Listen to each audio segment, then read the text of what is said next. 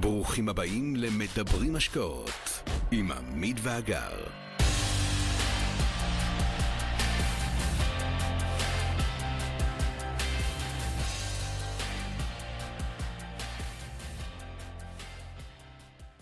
אז בואו נדבר על דור העתיד הזה. בואי ניתן להם איזו הצצה. אנחנו עשינו לקראת ההרצאה הזאת מחקר קטן בנושא חינוך פיננסי, אוריינות פיננסית, איך הדברים האלה, איך מלמדים על כסף בעולם. נכון.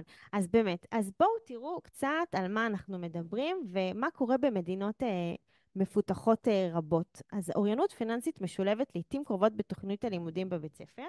במדינות כמו יפן וקנדה, למשל, התלמידים מקבלים חינוך פורמלי בנושא תקציב, חיסכון והשקעה כבר מגיל צעיר. את זה אנחנו מכנים קומת הבסיס, שמכינה את האנשים הצעירים האלה לקראת הקומות הגבוהות יותר של החיים שלהם ושל העתיד שלהם. זה מאוד מעניין, כי אצלם ההתייחסות היא ממש חינוך פיננסי כחלק מכישורי החיים הבסיסיים שבתוך הבית ספר. ולצד השילוב בתוך תוכניות הלימוד בארצות הברית ובקנדה, ישנן לא מעט חברות ועמותות ששמו להן למטרה לשפר את האוריינות הפיננסית בקרב בני נוער. ההנגשה היא בדרך כלל חדשנית, מקוונת ואינטראקטיבית, שהופכת את הלמידה כמובן למעניינת יותר. סדנאות ואירועים סביב האוריינות הפיננסית מתקיימים גם בפורומים קהילתיים המיועדים לגילים שונים. נכון, למשל בקנדה היא מקיימת מדי נובמבר את חודש האוריינות הפיננסית, שבמהלכה ארגונים ובתי ספר מארגנים בשיתוף עם הממשלה אירועים ופעילות לקידום החינוך פיננסי ברחבי המדינה. זו יוזמה מעודדת דיונים ציבוריים על ניהול כספים ותכנון כספי העתיד. בכלל אפשר להגיד שגם בארצות הברית וגם בקנדה ההתמקדות היא לא רק בידע תיאורטי, אלא ביישום מעשי ובניית מיומנויות. החינוך הפיננסי מתפתח כדי להתאים לצרכים המשתנים של האנשים בנוף כלכלי שמתפתח גם הוא במהירות. השילוב של טכנולוגיה, דוגמאות מהעולם האמיתי ומעורבות קהילתית תורם לגישה הוליסטית יותר סביב אוריינות פיננסית. וזה בערך מה שאנחנו מנסים לעשות בארצנו הקטנה והיפה. כל הצניעות. אז יש חוץ מזה עוד מדינות שעושות את זה. באנגליה, בגרמניה, בצרפת, כל המדינות האלה ניכרת השקעה בחינוך פיננסי, גם בבתי ספר וגם בקהילות, כמו שמתרחש בצפון אמריקה. במדינות הנורדיות, ההתמקדות היא בפן המעשי של החינוך הפיננסי במיומנויות הישימות בחיי היום-יום. הידרשות לנושא קיימת גם מחוץ לעולם המערבי, לא תאמינו. אבל גם בהודו יש יוזמות הכוללות לעיתים שותפויות בין הממשלה לבין גופים במגזר הפרטי, וזה מגיע לקהל רחב באמצעות סדנאות ותוכניות קהילתיות. אבל שיא השיאים שגילינו במחקר שלנו, שבחלק ממדינות אפריקה, מלמדים חינוך פיננסי דרך פלטפורמות טכנולוגיות, זו גישה חדשנית שממנפת טכנולוגיה כדי להביא ידע פיננסי לאנשים שאולי אין להם גישה למשאבים חינוכיים מסורתיים ואולי אין להם מים זורמים בכפר. זה מחקר סופר מעניין. עכשיו בואו נדבר רגע על המושג עצמאות כלכלית או חופש כלכלי. מרתק לראות איך תרבויות שונות תופסות אותו אחרת. בארצות הברית למשל בולטת פעילות של תנועת הפייר, שהיא אומרת Financial Independence Retire Early, שהאג'נדה שלה היא חיסכון אגרסיבי והשקעה כדי להגיע לפרישה אה, מוקדמת. במקביל, במדינות סקנדינביה יש דגש חזק על Work-Life Balance. הם רוצים לעשות איזון בין עבודה לחיים בכל היבטי החיים, כולל בנושא כסף, מכאן שתפיסת הכסף שלהם היא לא צבירה שלו לעתיד, אלא הבטחות חיים הרמוניים בהווה. כן, חשוב עוד לציין שבזמן שאנחנו מטיילים בין הגישות השונות בעולם, בכל הנוגע לכסף ולחופש כלכלי, צריך גם להכיר בדינמיות של הדבר הזה, של החינוך הפיננסי. כמו בהרבה תחומים אחרים, העידן הדיגיטלי חולל מהפכה באופן הפצת המידע, ויש שפע של אינפורמציה פיננסית, ובעצם מתקיים סוג של דמוקרטיזציה של הידע הזה. פלטפורמות מקוונות ומדיה חברתית ממלאות תפקיד מכריע בתהליך הרחבת הגישה לידע הפיננסי וגם לכלים פיננסיים. אז בתוכנית שלנו, חשיבה פיננסית, הכנסנו הרבה מאוד חומרים, גם מתוך הגישות השונות של חינוך פיננסי בעולם. ומי שיקבל גישה לתוכנית, כמובן ייהנה מאותה דמוקרטיזציה של ידע עליו דיברנו כאן. אז בואו נעשה סיכום קצר על מה דיברנו עד עכשיו. דבר ראשון, הבנו שהפרדיגמות שהנחו את הורינו ואותנו במאה ה-20 כבר לא רלוונטיות למאה ה-21. בעשור האחרון, אני ועמית לימדנו את עצמנו לשאול שאלות מאתגרות על הפרדיגמות האלה ולצאת מהן בגישה שונה לחלוטין לחיים, לזמן, לסדר העדיפויות, לתבונה פיננסית, לכסף. התוכן שיצרנו לעצמנו התגלה כשימושי מאוד גם עבור אלפי אנשים אחרים. הכאבים שלנו התבררו ככאבים של קהלים גדולים מאוד. צמחנו בכל הפלטפורמות, יצאנו ערמות תכנים, נכנסנו למצב של היצף המידע. אנשים הגיעו אלינו בראשונה ולא ידעו איך ומאיפה להתחיל ואיך משתמשים בשיטה הזאת ובחומרים שלנו, ורבים וטובים לא ניצלו כלום מהידע שלנו. לכן, החלטנו לארוז את הידע והשיטה במקום אחד ויצרנו את ספינת הדגל שלנו, חשיבה פיננסית, ואנחנו בטוחים שהספינה הזאת תיתן ערך רב מאוד למי שירכוש אותה. בהמשך סקרנו בזום אאוט את המדינות בעולם שמשלבות חינוך פיננסי במערכות החינוך והקהילה שלהם, ועכשיו אנחנו צוללים עוד פנימה, ועכשיו נדבר איך כל אחד, ואנחנו מתכוונים כל אחד, כולל הילדים, שהיום הם ילדים, אבל מהר מאוד יהיו בוגרים במאה ה-21, יכול לקחת את הידע שלו ולנתב אותו מהסלון בבית לכל פינה בגלובוס. אתם תראו איך תודעה, סקרנות, התמדה והבונה שהעולם מנגיש, ההזדמנויות, הופך למציאות וזה מרתק. ובחשיבה פיננסית יש התייחסות רבה לדור העתיד, שהם הילדים שלנו. אז בואו נדבר רגע על הילדים ועל הנוער, ובואו נדבר קצת בדוגמאות. ילדים ובני נוער הפכו לאנשי עסקים צעירים, גם לפעמים בסיוע של ההורים ולפעמים בלי. אלה אנשי עסקים צעירים שהם דור העתיד של העולם, הם פועלים בהווה, הם יוצרים ערך עצמי שגם יוצר ערך כספי. קוראים לזה כלכלה דיגיטלית. תשמרו את זה. שמתאר פעילות כלכלית שאחת החוליות המרכזיות בה היא כמובן, איך לא, האינטרנט. אז במסגרת אותה כלכלה דיגיטלית, אני רוצה לתת דוגמה. בבקשה. אוקיי, תכירו את נסטיה. או, חמודה. אם יש פה הורים לילדים קטנים, הם כזה, oh my god, אני לא מאמינה שהיא באה לי גם עכשיו, אז כן, אבל זה ממש בקצרה. היא ילדה שהיא אוטוטו בת עשר, היא ילידת רוסיה, ההורים שלה היגרו אותה לארצות הברית. הם הקימו ערוץ יוטיוב בכיכובה שהייתה בת שנתיים. עכשיו, מה הסיפור מאחורי נסטיה? למה ההורים שלה עשו את זה? ההורים שלה קיבלו הערכה רפואית שהילדה הזאת לא תדבר, אוקיי? ופתאום הילדה התחילה לדבר. ההורים הרגישו צורך לשתף ב, בשמחה הזאת על השיפור הלא יאומן בדיבור שלה, והם פתחו את הערוץ. מפה לשם, הילדה הלא מדברת הזאת הפכה לכוכבת יוטיוב. הערוץ שלה, לייק נסטיה, יש מיליון, מיליונים של עוקבים, מיליארד צפיות בחודש, והכנסות מסתכמות בעשרות מיליוני.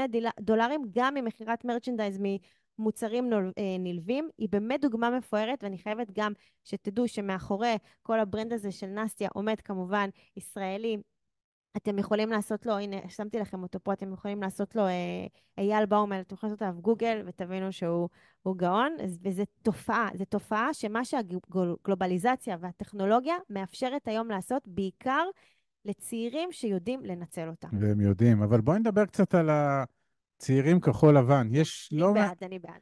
יש לא מעט ילדים וילדות, בני נוער בארץ, שהפכו למשפיעני רשת, והם יצרו ערך אישי ופיתחו אותו, והם יודעים להציג אותו לעולם. אז בואו תכירו בבקשה את דילן דרור, שהוא בן 15, הוא לא בן שלי, חשוב שתציין. הוא במקרה לא בן שלי, הוא בן 15, הוא כבר זקן, הוא שיית רשת, הוא שחקן, הוא זמר, הוא דוגמן.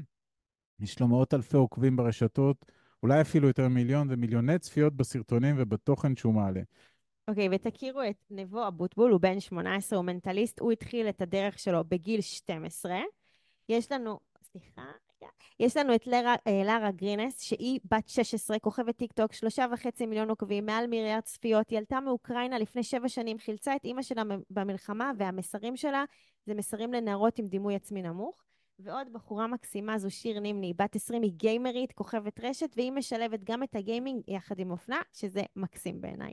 ויש לנו גם דוגמה מהבית נכון. של שלי. שלי עובדת שלנו, עובדת. איתנו 24/7.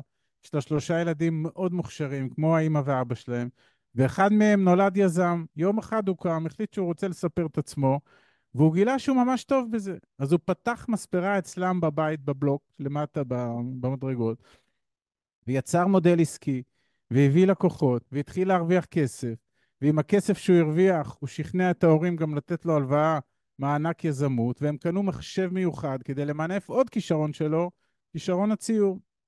וגם סביב כישרון הציור הוא בנה תוכנית עסקית, איך למכור את יצירותיו. בקיצור, נחת, נחת. נחת וזה. וכמובן, יש לנו המון דוגמאות כאלה מרחבי הארץ והעולם במנעד רחב מאוד של תחומים ושל רמות הצלחה. בחרנו כאן רק כמה שהמחישו את היופי שביזמות צעירה, את הפוטנציאל הגלום בה ואת החשיבות שלה ושלנו כהורים או כבוגרים שיכולים לעודד את הדור הצעיר לעשייה הזאת. ובראש ובראשונה, רצינו להדגים את הקשר ההדוק שמתקיים בין יזמות לבין חשיבה פיננסית.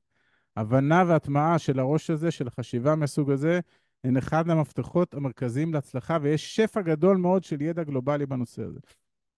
עכשיו, נרד לפני הקרקע, מבוגרים וצעירים שצופים בנו, בהנחה שאתם לא נסטיה הילדה המולטי מיליונרית ולא דילן דרור שהזכרנו, ואתם תוהים איך עושים את זה, איך למען השם עושים כסף ב-2024 בסושיאל, ועד כמה אנחנו מסבירים את הדברים האלה בתוכנית שלנו. אגר, את רוצה קצת אה, להרחיב? כן, כן, כן. אוקיי, אנחנו עוסקים בנושאים האלה הרבה מאוד בקורס שלנו. אני אציג לכם בקצרה חלק מהדברים שתמצאו בחשיבה פיננסית. כולנו נמצאים מדי יום שעות ארוכות ברשתות החברתיות. מדי שבוע האייפון שולח לנו כזה דוח של השעות שבילינו בטלפון, ויש שם חלוקה לסושיאל. אני בטוחה שאתם מכירים את זה. אתם יודעים כמה זמן אתם נמצאים במגרש הזה? אם אתם לא יודעים, כדאי שתבדקו ותתחילו לשים, לשים לב. זה המגרש. זה המגרש. וכמה פעמים ניסיתם לחשוב ולנתח את המודלים העסקיים של האנשים שנגלים לכם בסושיאל, אותם אנשים שזוכים לדבר הכי יקר שלכם, ומהו? אתם תרשמו לי עכשיו בתגובות בטח זמן, אבל עכשיו אני רוצה לדבר על תשומת הלב שלכם. ובואו נתקדם עם השאלות.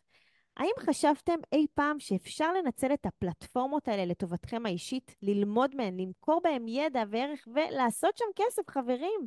אז כן, סממני העולם החדש, מקום שאפשר לעשות דברים שאתם אוהבים ואפשר לעשות מהם כסף, לפני עבודה, אחרי עבודה, במקום העבודה.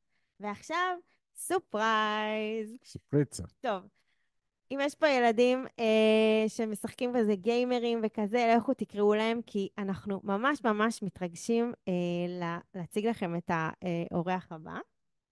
תכירו את מר שיבולת, אה, a.k.a מר שיבולת, קוראים לו שי בן בסט. אה, הכרנו אותו באופן רשמי אה, באירוע של יוניסטרים, אירוע סוף שנה של יוניסטרים. אנחנו התנדבנו שם הרבה בזמן הקורונה. מי שלא מכיר את הפעילות של יוניסטרים, לכו תעשו גוגל, משהו מדהים, מחברים משהו מאוד יפה עם זה. קיצר, ראינו שהוא שם עם אימא שלו, מסתובב ובאמת נהנה מהיזמות הצעירה. ואני רואה אותו ככה עם עין, ואני אומרת לעמית, תקשיב, זה שיבולת, הייתי בשני מופעים שלו במיינקראפט עם מיכאל הבן שלנו, אני הולכת להכיר אותו.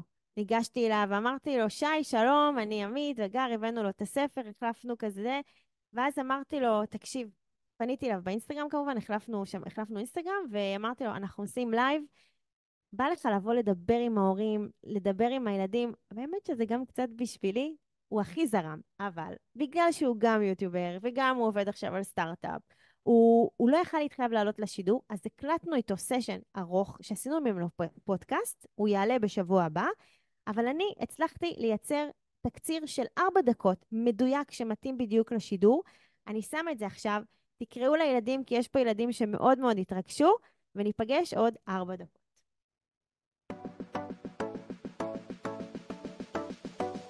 כשפתחתי את התיק שלי מול מס הכנסה, רואה חשבון ששם אותי בתור קולנוע.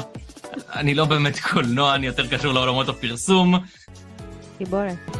קודם כל אני מתרגש. כולנו יודעים שהעידן הדיגיטלי הוא עידן שונה לגמרי, יש דרכים חדשות. מי שמע על אה, לעבוד בפייבר בתור מעצב גרפי לפני 20 שנה? מה זה, מה זה פייבר? ממש. מהבית ועוד בלי הכשרה, בלי ללכת לבית ספר. לבוא לפני 20 שנה לראות יוטיוב באייפון שלך, לא רק שלא היה אייפון, גם לא היה יוטיוב. באמת העולם אה, השתנה באופן היסטרי, וצריך לבוא וללמוד כל פעם מחדש. נגיד, אחד מהדברים שאני מאוד אוהב בתחום של הגיימינג זה שיש מנגנון שקוראים לו fail fast, שמה שהוא עושה זה הוא גורם לך כל הזמן להיפסל, כן. ואת צריכה ללמוד מהכישלונות המהירים האלה. אני טועה מלא, אבל בגלל שאני טועה מלא, אני פשוט עושה הרבה מאוד דברים בסוף נכון. זה אתה לוקח אחרי זה גם לחיים הפרטיים? אתה... חד משמעית. זה לבוא ולטעות כמה שיותר, בסוף אתה... זאת אומרת, אתה לוקח מהעולמות הווירטואליים את הלקחים האלה גם למציאות. זה לקחים שהם יותר רלוונטיים למציאות מאשר לעולמות הווירטואליים. אתה יכול לספר אבל איך הפכת להיות מר שיבולת? הייתי בצבא בממר"ם. הגעתי איזה מזה שהיה לי רקע במחשבים, יצאתי מהצבא, התחלתי לעבוד ב-IBM בתור מתכנת. מסלול הייטק לחלוטין. ואז הגעתי למקום שעשיתי איזה קורס שפשוט הייתי צריך לעשות אותו מבחינה טכנית. והיה איזה לקוח דרש שיהיה לי תעודה ולא היה לי תואר. והקורס הזה אני כבר יודע בו הכל, אני עוד שנייה מרצה את הקורס הזה. פתאום היה לי מלא זמן על הידיים. פיתחתי את הרעיון הזה של אה, אולי אני אעשה איזה משהו וחשבתי על... חזרתי הביתה, פשוט הדבר הזה של מר שיבולת, והתחלתי להתעסק עם זה. ומה זה מר אה, שיבולת? מצאתי, מצאתי משהו מאוד מעניין, נישה שהיא קיימת בחו"ל, אה, והיא לא, אף אחד לא מימש אותה בארץ. נישה שקוראים לה smart gaming, שזה באמת לקחת את הגיימינג וקצת יותר לבוא לחקור מאחורה, לעשות מדריכים, לעשות תיאוריות, אה, להסביר על היסטוריה, דברים כאלה. להביא את ה-added value, כן. נכון, לא, לא, אני, אני, אני בגדול story teller, אני מאוד אוהב לספר סיפורים, אני מאוד אוהב אה, לבוא ולהנגיש דברים ולהרצות מול קהל ודברים כאלה. ואף אחד לא תפס אותה. ובנישה הזאת היא בדיוק התפוצצה בגלל פורטנייט. ואמרתי, טוב, אז בוא נעשה את הדבר הזה שקיים בחו"ל, בוא נעשה את זה בארץ. ואז השתמשתי בכמה כלים שלמדתי מהספר של החבר'ה שיצרו את רדיט, הם דיברו על איך עושים אלמנט כדור שלג מאוד קל. אה, ועל מסה קריטית של קהל ודברים כאלה. אז ניצלתי חלק מהידע שם, ובעצם בניתי איזה מודל כזה שהוא פשוט עבד בצורה מאוד מאוד יפה. איך אפשר לעשות כסף? לעולמות של היוטיוב, אני מעלה סרטונים לרשת. פרסומות של יוטיוב, כל אלף צפיות מקבלים אחוז מסוים, עושים עם זה חלוקה עם גוגל, גוגל לוקחים 45, יוצרי תוכן לוקחים 55, בדרך כלל ה-CPM הוא בין 2 דולר ל-3 דולר, עכשיו אתם יכולים לחשוב על היוצרי תוכן הכי אה, אהובים עליכם. ולחשב פלוס מינוס כמה כסף הם עשו מהסרטונים. יש כאן הורים, אוקיי, שעכשיו שומעים אותך ובטוח קראו לילדים שלהם לראות. תעשו שיעורי בית, זה חשוב. אה, לא להפסיק ללמוד. בהתחלה חשבתי גם שאני לא הולך לעשות תואר, היה לי מאוד כיף התואר. במה? אה, עשיתי תואר בתקשורת, כי לא הייתי צריך אה, מדעי מחשב. זה אומר שכל הניסיון שלך מהגיימינג בגיל צעיר למעשה הביא אותך לפה? הוא עזר, כן, הוא מאוד עזר לי לבוא להיכנס לתוכניות. גם עשיתי בגרות במדעי מחשב, אבל זה מאוד עזר לי כל העניין של הגיימינג. קודם כל לימד אותי גם את השפה, שירותים עם מקלדת, זה לא לפחד מהמחשב. מחשב, זה כשאני מתחיל לחוות אותו עכשיו, שיש אנשים בגילי שדי נרתעים לבוא ולשבת על לפטופ, זה משהו שכאילו בעולם המודרני מאוד בעייתי. כן. כל הזמן בטלפון, אז הם נרתעים מלבוא ולשבת על הלפטופ או על המחשב או על הזה, כי הם לא מכירים את זה. אנחנו בתור הורים חושפים את הילדים למקלדת, להושיב אותם לעשות מצגת, למה המבורגר זה המאכל הכי נחשב בארצות הברית. לגמרי, תשב על לגמרי. ותכין את זה. תשב עם צ'אט GPT פתוח ותעשה כן. את זה, כי אחר כך זה מה שעושים עכשיו במשרדים. תקשורת זה היה nice to have, כי אתה כן. מגיע כמר כן, כן, שיבולת כן. ללמוד כן, כן. זה קצת מצחיק. זה קצת יותר nice to have, אני לא הייתי חייב אותו. אני רוצה להגיד למי שבמקרה לא ראה את הפרויקט שעשית ליום השואה, זה היה אחד הפרויקטים היותר מרגשים שראית. כל הכבוד, אתם גם זכיתם על זה בפרס. אוקיי. זה גביע של אה, פסטיבל כאן. עשינו את הפרויקט הזה ביחד עם מקן, והוא זכה במקום ראשון בעולם, גם ביחסי ציבור וגם בגיימינג. יש אנשים שמשווים את זה לאוסקר, אה, קהל, תנו להם לייק, תעשו כפיים, אימוג'י של כפיים, תודה. יואו, איזה משהו, השיבולת הזה, אלוף. טוב, הוא פשוט מקסים ומוכשר, והוא עושה מה שהוא אוהב, הוא הפך למשפיען מאוד חיובי לדור שלם של ילדים. אני לומדת ממנו המון, ובאמת אני מזמינה אתכם לחפש אה, צ'יבולת ביוטיוב, אני ממש נהנית לצפות בו, בתכנים שלו יחד עם הילדים. ומי שלא הבין, הוא בן 27, כן. הבחור הזה. הוא בן 27. טוב, ויש כאן עוד תופעה שרצינו להזכיר בקצרה, זו תופעת המסחר החברתי. מי שמע על הדבר הזה? אז בנוף הדינמי של מסחר אלקטרוני, השילוב של מדיה חברתית וקניות מקוונות הוליד התופעה המתפתחת המכונה מסחר חברתי. זו גישה הממזגת את תחומי הרשתות החברתיות והקמעונאות הדיגיטלית ויוצרת חוויה חלקה לצרכנים שבה הם יכולים לגלות, לחקור ולרכוש מוצרים. שימו לב, הם רוכשים את המוצרים ישירות בתוך הפלטפורמות החברתיות המועדפות עליהם. ממש. מסחר חברתי הוא מייצג סוג של ניסויים של מדיה חברתית ומסחר אלקטרוני, יש פה ניסויים שבו משתמשים יכולים לחקור ולקנות מוצרים מבלי לעזוב את ה-comfort zone שלהם. אבל עד היום אנחנו הלכנו לקנות באמזון, האם אתה רומז שמשהו כאן אולי מתקדם? אני לא רומז, אני אומר שבוודאי, ושלא כמו במסחר אלקטרוני מסורתי של ה e-commerce, מסחר חברתי ממנף את האופי האינטראקטיבי והקהילתי של הרשתות החברתיות כדי לשפר עוד יותר את חוויית הקנייה. הוא כולל פורמטים שונים, כולל קניות בתוך אפליקציה, פוסטים שניתן לקנות, סטרימינג בשידור חי, ומשפיענים חברתיים ומקדמים את המוצרים. בואי תני להם... מצוין. בואו רגע נדבר מוסר. על הפלטפורמות שמובילות את השינוי ומי נמצא בחזית המהפכה. אז קודם כל, חבר'ה, אינסטגרם, אוקיי? שכולם עוקבים אחרינו, אני מקווה. הפוסטים פה ניתנים לקנייה, אתם מקליקים, נפתח לכם קטלוג ואתם יכולים לקנות ישר מהטלפון. יש לנו את המרקט פלייס בפייסבוק, שאני מניחה שמישהו פה לפחות מכר וקנה שם כזה ריהוט לבית ודברים כאלה. יש לנו את פינטרסט, שגם שם אותו קונספט, ודרך אגב, סתם כזה קוריוז, תדעו שפינטרסט הייתה האפליקציה הראשונה שהיא המציאה את, הגל, את הגלילה האינסופית, אז הכל יקרה ממנה. תודה, פינטרסט. ויש לנו את סנאפצ'אט הצהוב, שגם היא משלבת פונקציונליות של קנייה, היא פחות אה, פעילה בארץ. יש לנו את המלכה הטיק טוק, אוקיי? שבסרטונים קצרים משפיעני רשת מעודדים רכישות תוך כדי השקת טיק טוק קניות, ומזמינה היום כבר מוכרים למכור בפלטפורמה החדשה שלה. ויש לנו את המלך, אוקיי? את אמזון, שהוא מפלרטט עם מסחר חברתי כבר כמה שנים. בין אם הוא המציא עכשיו את אמזון פוסט, או את אה, פלטפורמת אינספייר, שהיא מאוד דומה לטיקטוק בצורת, בצורה ויזואלית. שימו לב שהכל מתחיל לראות אותו דבר. אבל עדיין ה social media זה לא תחום המומחיות של אמזון, היא די מאחור. עכשיו, צריכה להתחיל לדאוג למה. כי עבור דור ה-Z, זה החבר'ה שנולדו ב-97 עד 2012 בערך, חוויית הקניות המשולבת של טיק טוק ואמזון היא האופטימלית. והדרך הכי טובה להמחיש את זה, שימו לב מה קרה בחג של אמזון, כן, כן, לאמזון יש חג, קוראים לו הפריים כשאתה אמזון, אתה יכול להמציא חג? כן.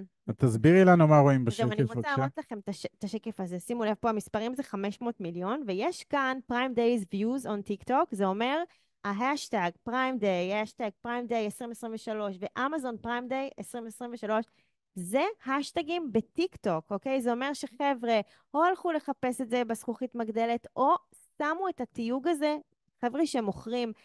חבר'ה, זה, זה משתולל, כאילו, האם האשטג של Prime Day של אמזון משתולל בטיק טוק? יש פה כאילו משהו שקצת מוזר, זה אומר שה... הרשתות החברתיות זה כבר מתחיל להיות, אה, כאילו, האם טיקטוק משתלטים על חג האמזוני? כאילו, מה קורה פה? כמו שתנובה המציאו את uh, שבועות. מה עם הסיכויי צמיחה של המסחר החברתי? אז כאמור, זו תופעה ממש ממש בהתהוות והיא מאוד חדשה. מסלול המסחר החברתי מצביע על צמיחה משמעותית בשנים הקרובות. ככל שהתנהגות הצרכנים ממשיכה לעבור לכיוון של אינטראקציות מקוונות, הנוחות של קניות ישירות דרך פלטפורמות חברתיות עשויה לתדלק את הדבר הזה. זה עולם מטורף, ואנחנו אומרים שמי שרוצה למכור משהו, כל דבר, אז אנחנו ממליצים לו מאוד להתחבר ולחקור את התופעה הזאת. זה מרתק בטירוף, ותודה גם למי שעזר לנו במחקר שלנו, שזה השחקן אלפא שלנו ב e-commerce, אז תודה עידן, ואיזה גם כיף שאנחנו משקיעים שם.